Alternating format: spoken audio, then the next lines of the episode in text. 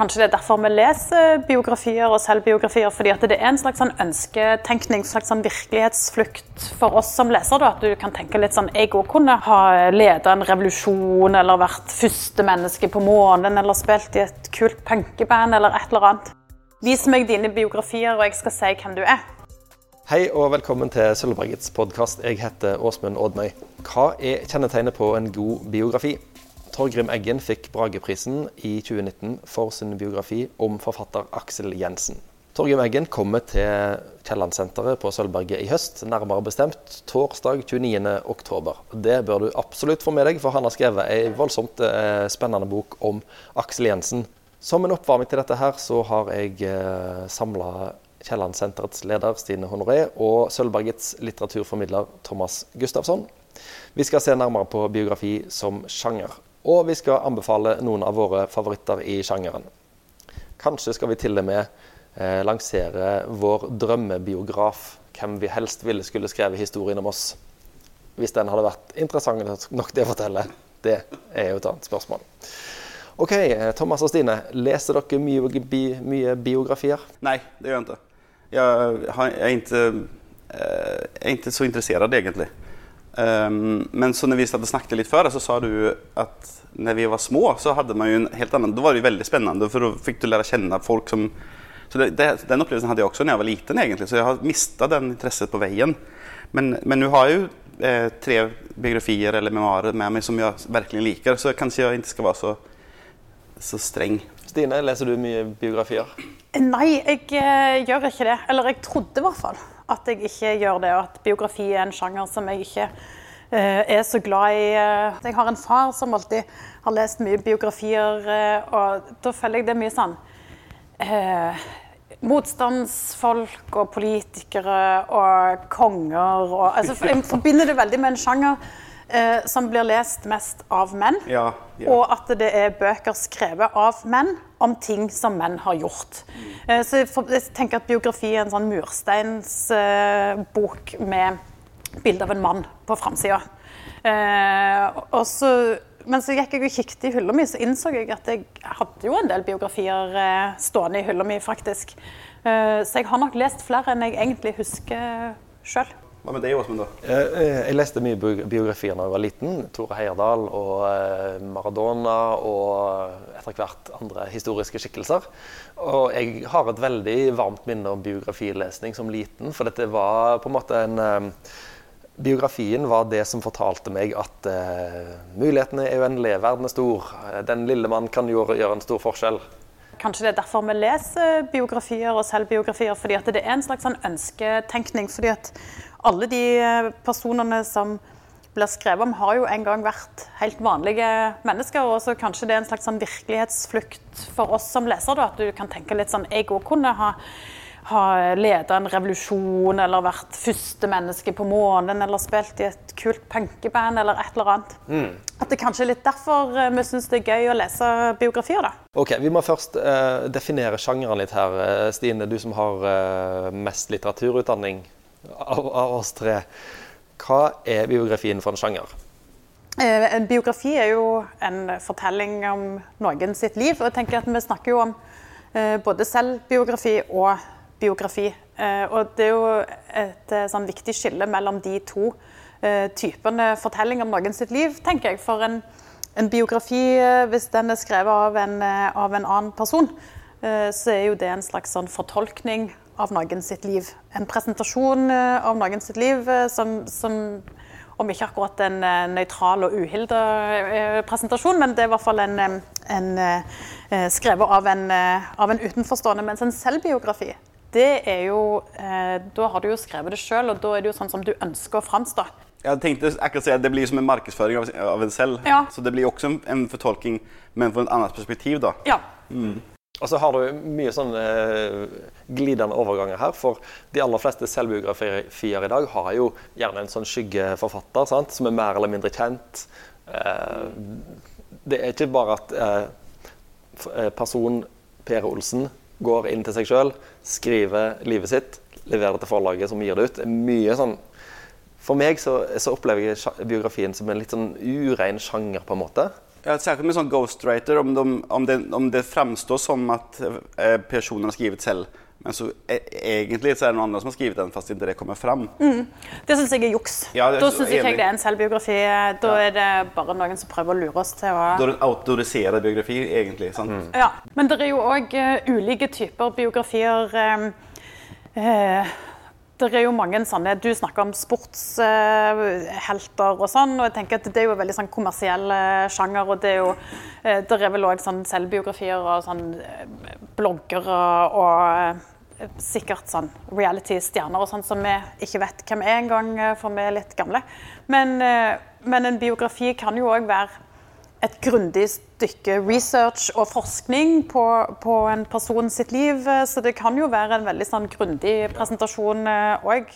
Av eh, Nå kommer det snart en, eh, en biografi om eh, kong Olav eh, som Tore Rem har skrevet. Da tenker jeg, da er det jo forskning, eller Inger Merete Hobbelstad som har skrevet om dronning Elisabeth. Eh, Da er det jo en annen type biografi enn Jon Arne Riise eller Sylvi Listhaug, som jeg òg vet eh, har skrevet en, en liksom selvbiografi. Men jeg synes det er et viktig poeng det du sier med det kommersielle her. At jeg har et ganske lite romantisk syn på biografi. Jeg tenker at det er ofte kommersielt motivert. At en person som har en stor eh, Som alle vet hvem er. Hvor det finnes et eller annet eh, litt ukjent, eller at det er en stor interesse, som gjør at boka blir utgitt.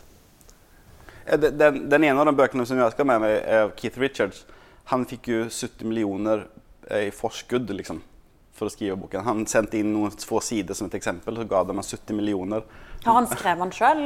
Nei, det er en sånn, men den, er- den er en, en offisiell eh, person som, som, som står som medforfatter. Da. Og det er da jeg i min, min, eh, mitt kyniske hode tenker at, at biografien er en sjanger som foregår i en slags sånn Ofte eh, en kommersiell forhandling da, mellom eh, forfatteren, eller den som blir portrettert, og forlaget. Ah, ok, du får så mye forskudd, men da må vi ha noe ordentlig her. Da må vi ha liksom, heroinsprøytene langt opp i armen for at det skal bli så mye. Hvis du bare vil skrive som pent og pyntelig om livene i Rolling Stones, så er vi fort nede i 30 millioner.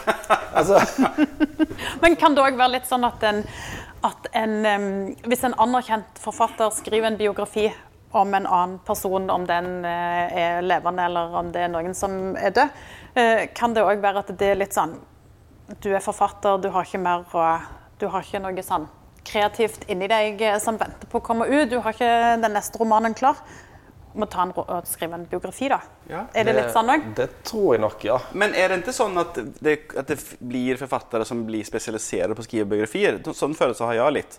Det er vel ikke så mange skjønnlitterære forfattere som blir biografer, eller? Det, det er mange som skriver mest biografier, sånn som den nye biografien om eh, Drillo, som kom ut nå. Eh, Hvem er det? Han drev og trente noen fotballag på eh, 90-tallet. Eh, er jo skrevet av Alfred Fidjestøl, som har skrevet biografier tidligere om bl.a. apekatten Julius. Så han, har, eh, han er en biografiforfatter, og en av Norges aller beste i det. Men så er det jo andre skjønnlitterære forfattere som plutselig skriver en biografi. Som Torgrim Eggen. Han har jo skrevet mange Ja. romaner. Og det er kanskje noe litt um, godt med det å skifte, skifte stil. Altså, eh, hvorfor skal en bare skrive romaner eller bare skrive dikt, hvis en også kan skrive en eh, biografi i ny og ne? Men eh, kanskje det kommer fram, siden jeg, jeg er ikke så veldig kjent, men om, om det kommer ut av et genuint interesse, så er det jo stor sjanse for at det blir en bra bok. For jeg, de som, som jeg har lest nå, har jo vært veldig bra bøker for meg. Og det kan jo være at om det kommer ut av et pengeinteresse, så kanskje det blir litt flatt. Men om det, er, en- om det er en forfatter som skriver om noen han faktisk er interessert av, at det kan bli en, en bra bok uansett. Stine, vårt litterære fremste alibi. Hvor går grensene da mellom biografi og andre sjangere? Det er jo veldig eh, interessant, eh, og det er ganske eh, tenker Det er ikke alltid så lett å vite, særlig nå. I, vi lever jo i en sånn kultur der vi alle utleverer oss sjøl hele veien. eh, Og der det å være åpen og det å blogge og det å skrive ting på sosiale medier eh, er på en måte normen for, for alle. da.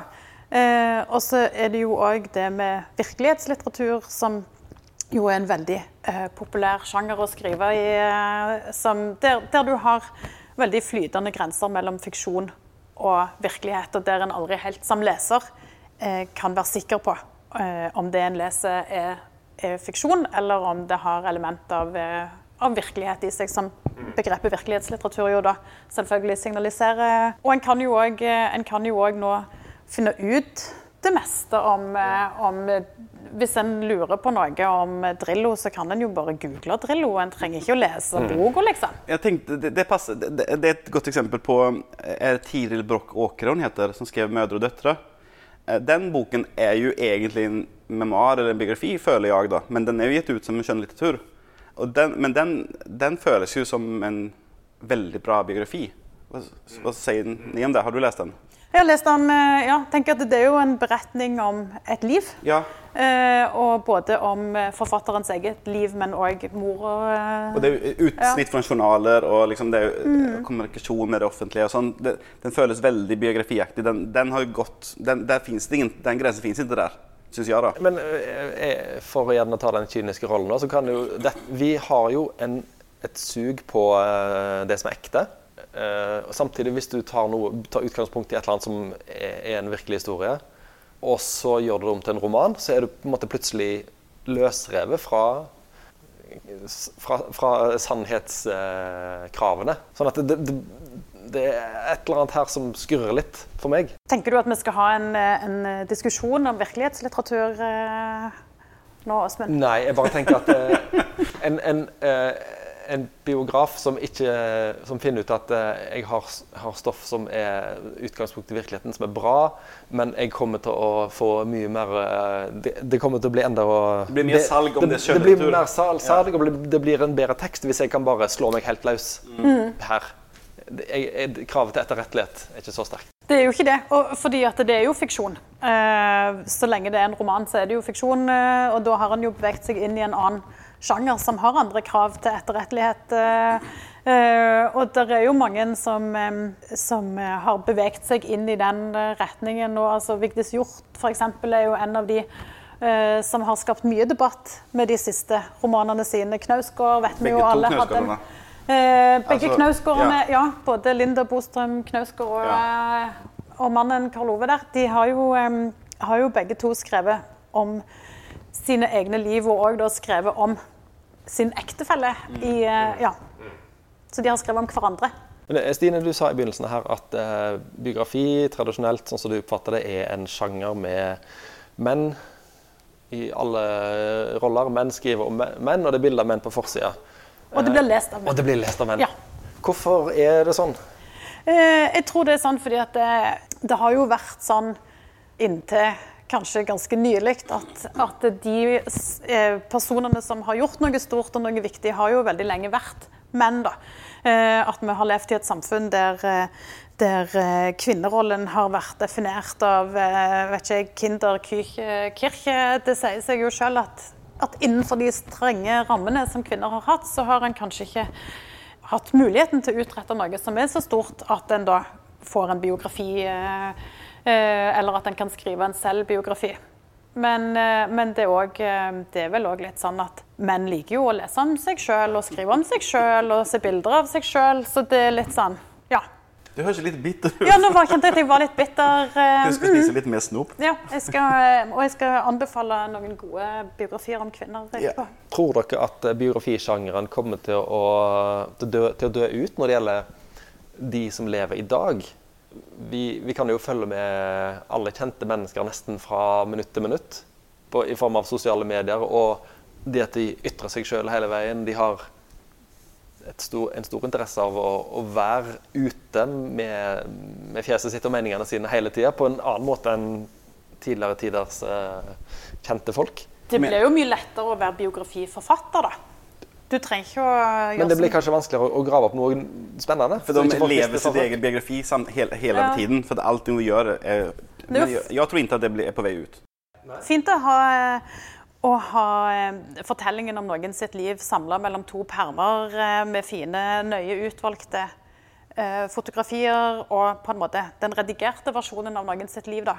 Og ikke alt den støyen som kanskje er på Vi vil jo bli mer og mer opptatt av kjendiser i samfunnet.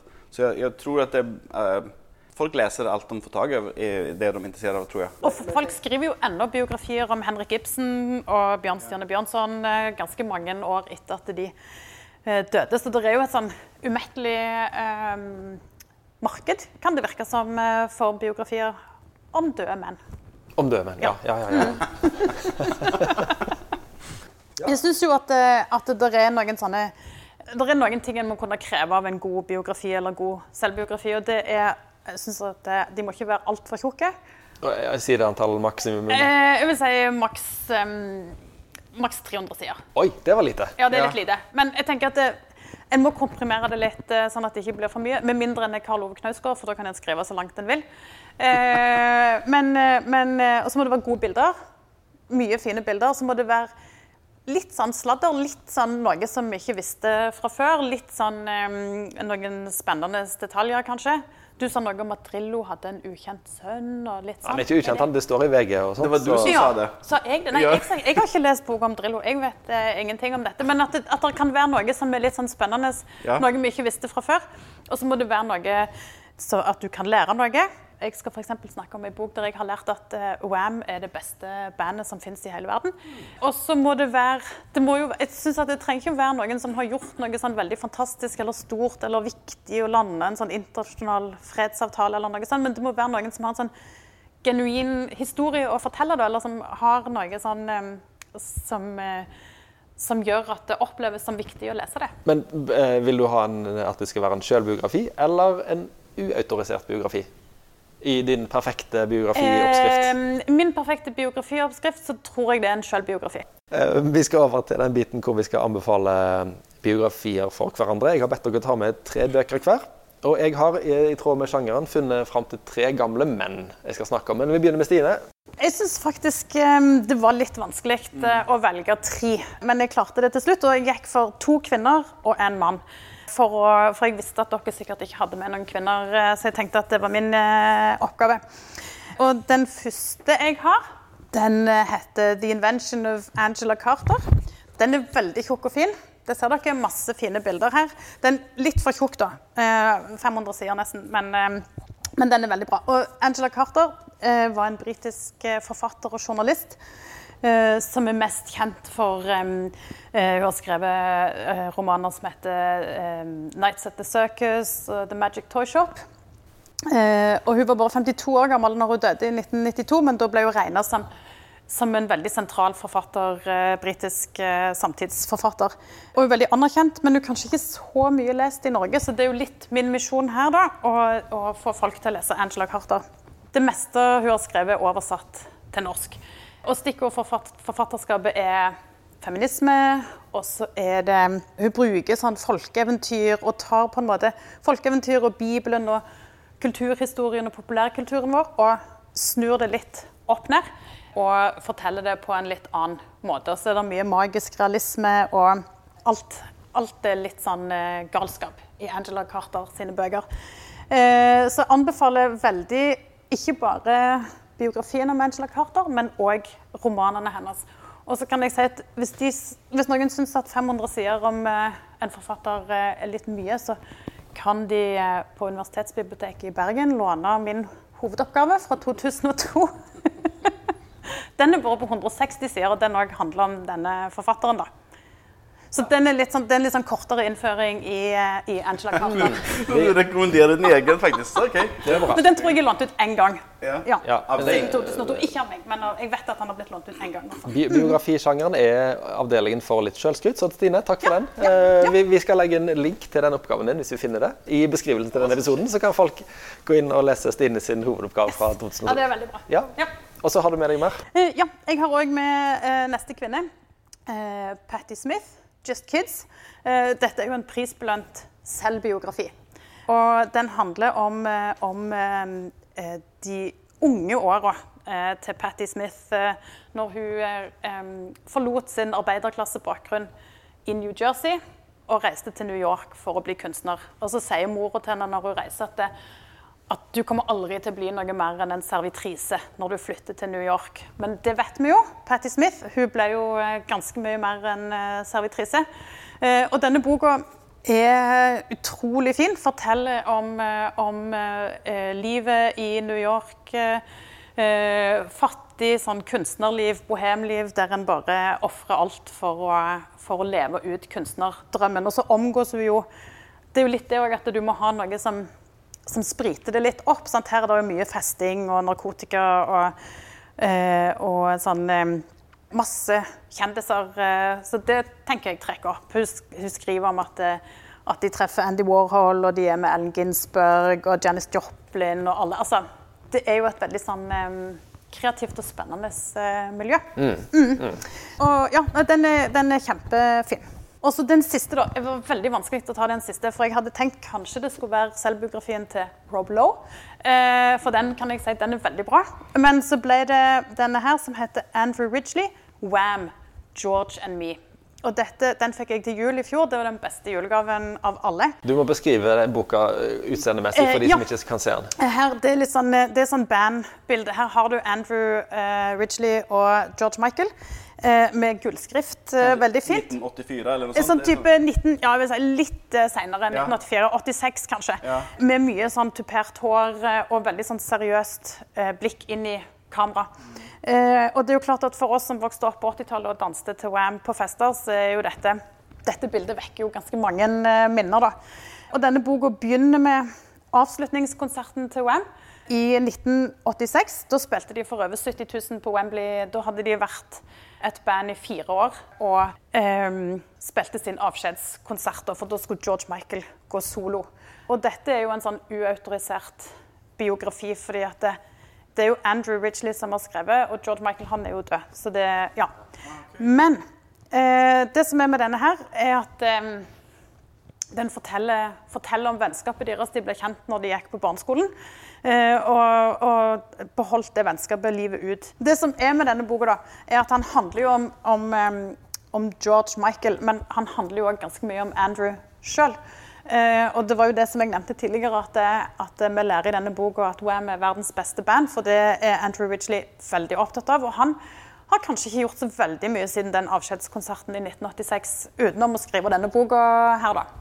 Eh, Men det som var interessant, var at han, han forteller at eh, George Michael var egentlig mest opptatt av å fokusere på skolearbeid og få gode karakterer, for han skulle gå på universitetet, så det var Andrew som måtte liksom mase sånn Kom an, bli med, vi starter et band, kom igjen. Dette høres ut som et klassisk tilfelle av snikskryt. Eh, Det er veldig mye snikskryt her. Ja, det er det, Men altså. den er bra, boken. Eh, Litt kjedelig innimellom, men mest bra. Men, men eh, bortsett fra den eh, rene nostalgiverdien for deg som var ung på 80-tallet, er det en bra biografi, hvis du er helt ærlig nå? Eh, nei. Eller det kommer an på hva slags interesser du har for å liksom Altså, det kommer an på motivasjonen du har for å lese eh, biografien. da. For meg så var han kjempekjekk, for her var det jo nostalgi, og her var det Det er her var det mye fine bilder, og her var det liksom eh, Det er jo fortellingen om et veldig fint vennskap eh, og sånn.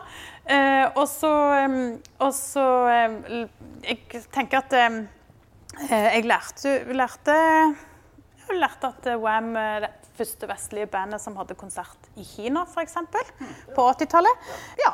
Men det er jo noe med det òg, tenker jeg, med disse biografiene. Nå har jeg presentert mine, og jeg har òg en sånn teori om at de biografiene du leser, sier jo kanskje mer om deg sjøl som person enn om de du har lest om, da. Så det er litt sånn Vis meg dine biografier, og jeg skal si hvem du er.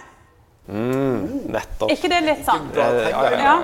För, men jeg, jeg, har tre bøker. Um, den ene er Keith Richards eh, Life. Eh, den, jeg husker ikke hva den andre forfatteren Han har en sånn kjent forfatter som har hjulpet ham å skrive, Som har intervjuet ham i fem år og tatt opp. Og så har de laget en bok. og så när han skrivit ferdig boken så leste han hele boken høyt til Keith, Richards. Så han eh, skulle godkjenne det. På en måte. Han kunne ikke lese den sjøl. jeg vet ikke, han ville vel, jeg vet, jeg vet ikke faktisk.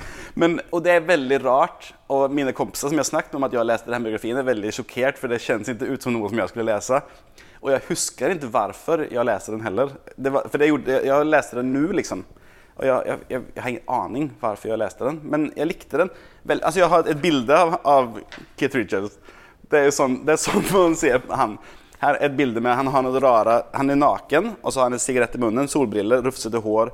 noe sånn rart halsband og så har han en slange i favnen som ser ut som den skal bite ham i ansiktet. Sånn ser vi Keith Richards. Men boken er jo veldig sånn utleverende og morsom, og han framstår som veldig sympatisk, veldig intelligent. Altså, han, han framstår sånn helt annerledes enn man skulle tenke seg. For jeg tenkte em, Du vet han der eh, fra han Tommy Lee, han trummisen. Ja, han har jo en bra selvbiografi. Ja, men den, ja, er ikke den veldig grisete?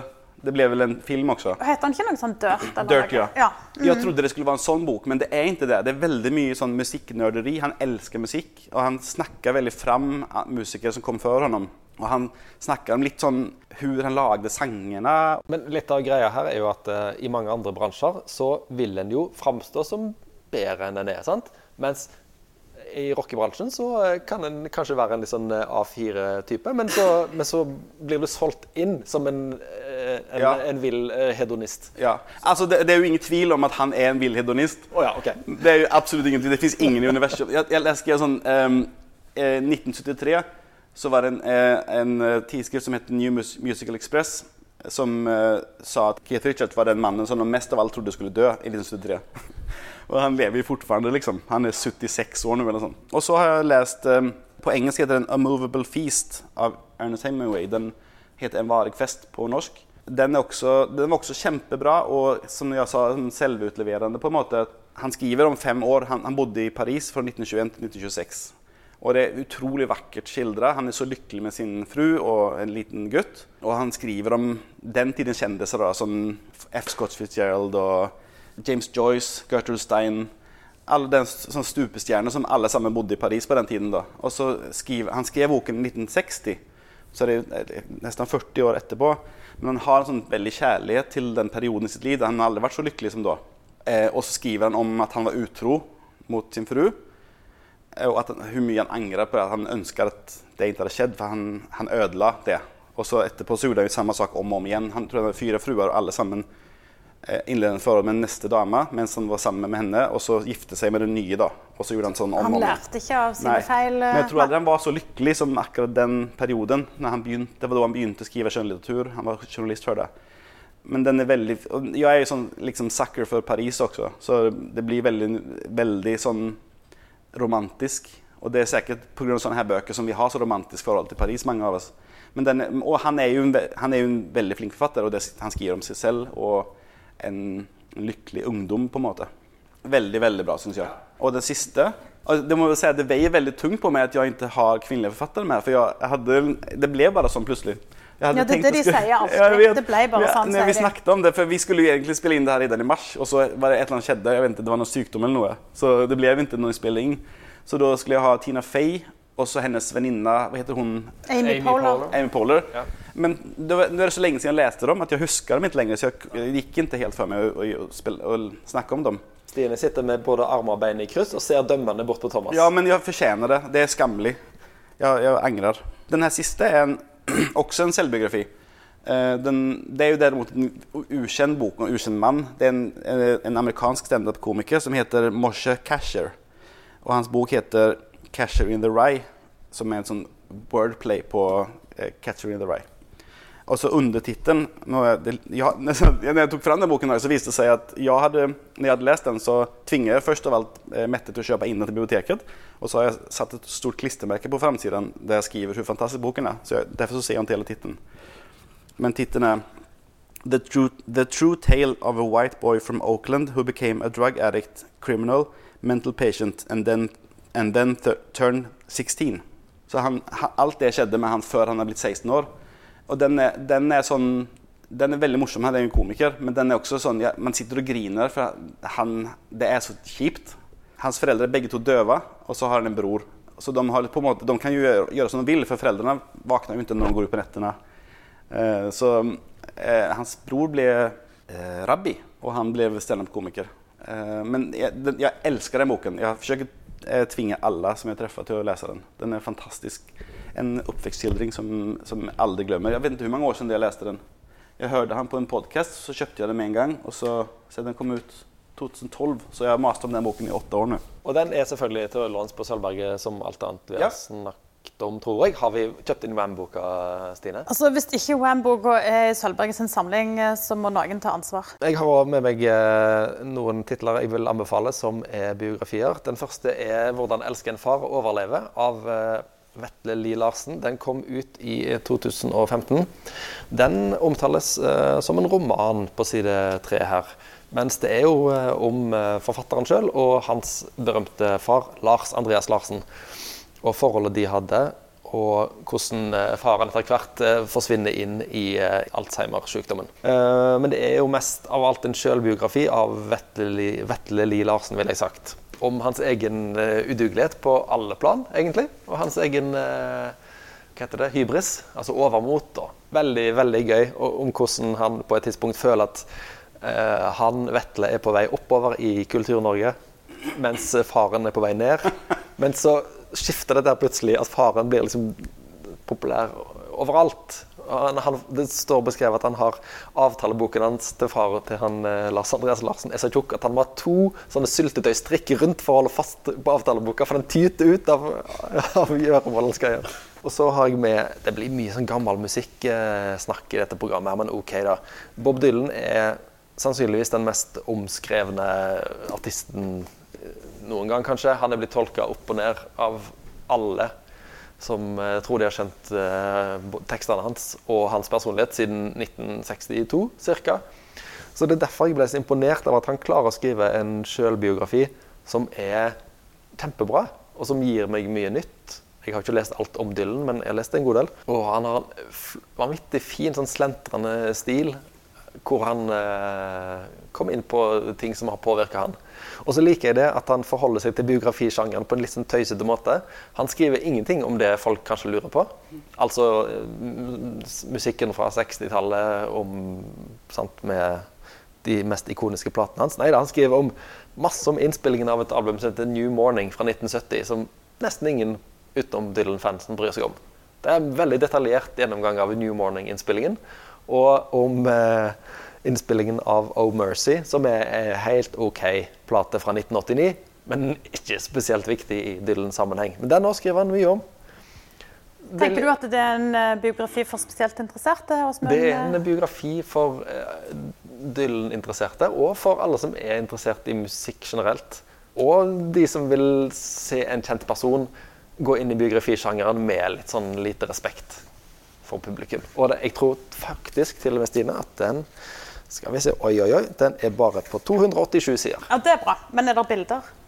Det er bilder òg. Når det gjelder fine bilder, Stine, så ja ja. Det er bilder av visesangere i svart-hvitt. Og så er det kart fra New York og bilder av utsiden av en kafé. Så jeg vet ikke om det er helt Jeg kommer ikke til å lese den. Du kommer ikke til å lese den? Nei, det pleier å være sånn med mine boktips, Stine. At, eh, den siste boka mi, Stine, kommer du heller ikke til å lese, for det er nemlig Roy Jacobsen, Roy Jacobsen sin veldig tjukke biografi om statsminister Trygve Bratteli. Jeg, jeg, tok den med som nok et eksempel på en, en forfatter som slåss litt med, med sjangeren.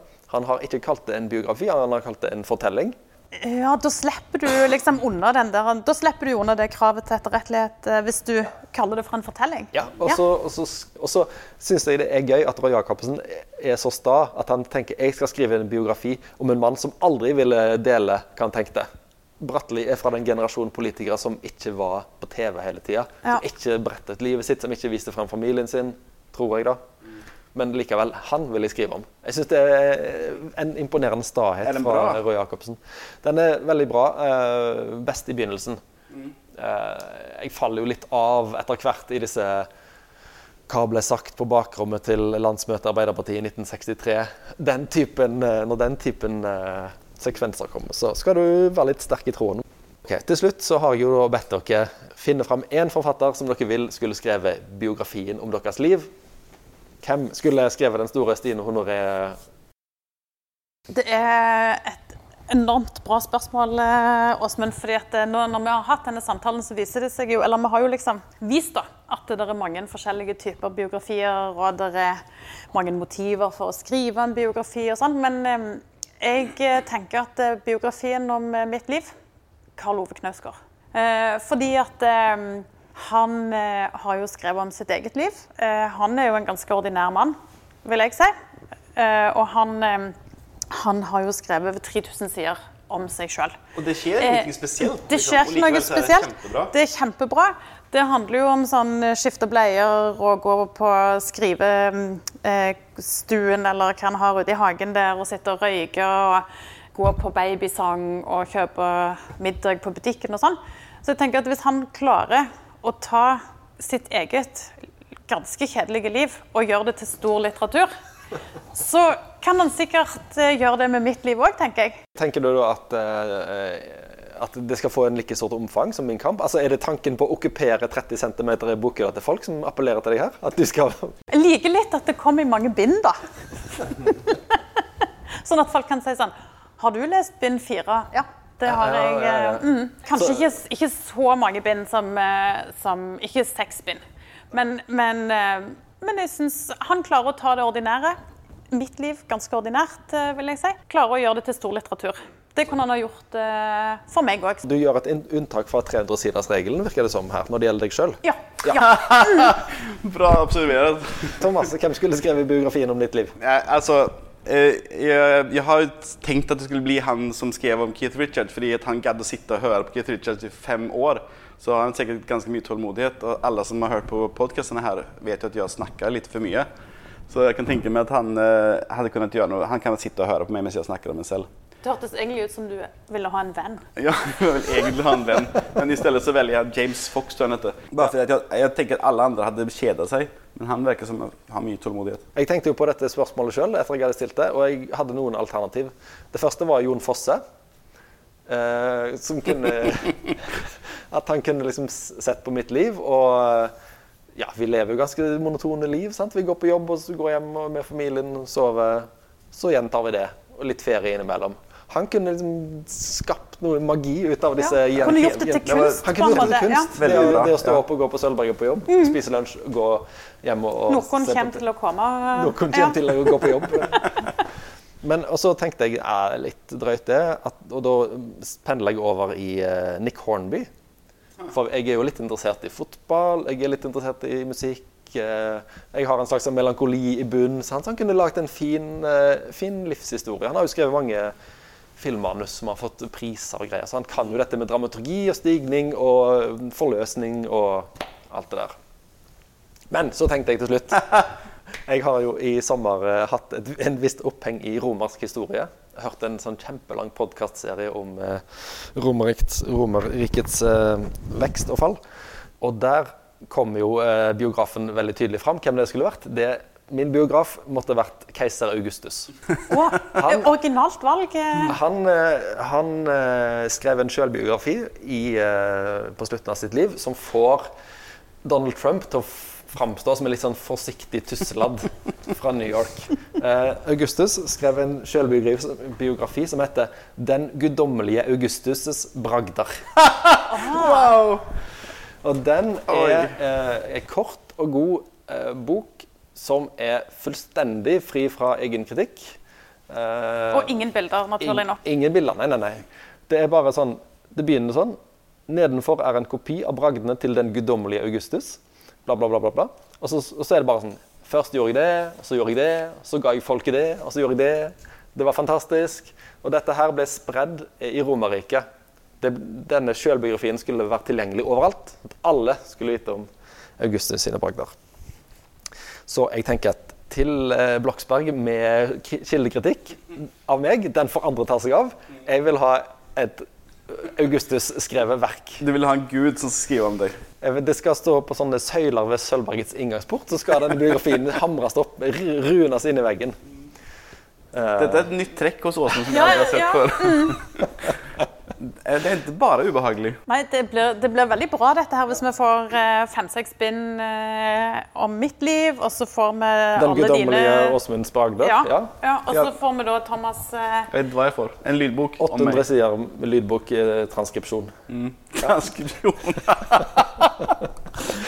Yes. Eh, dere kommer i toga i morgen, sånn som jeg har befalt på jobb? Ja. Ja, selvsagt. Veldig bra. Det lørdag i morgen. Det- lørdag, ok.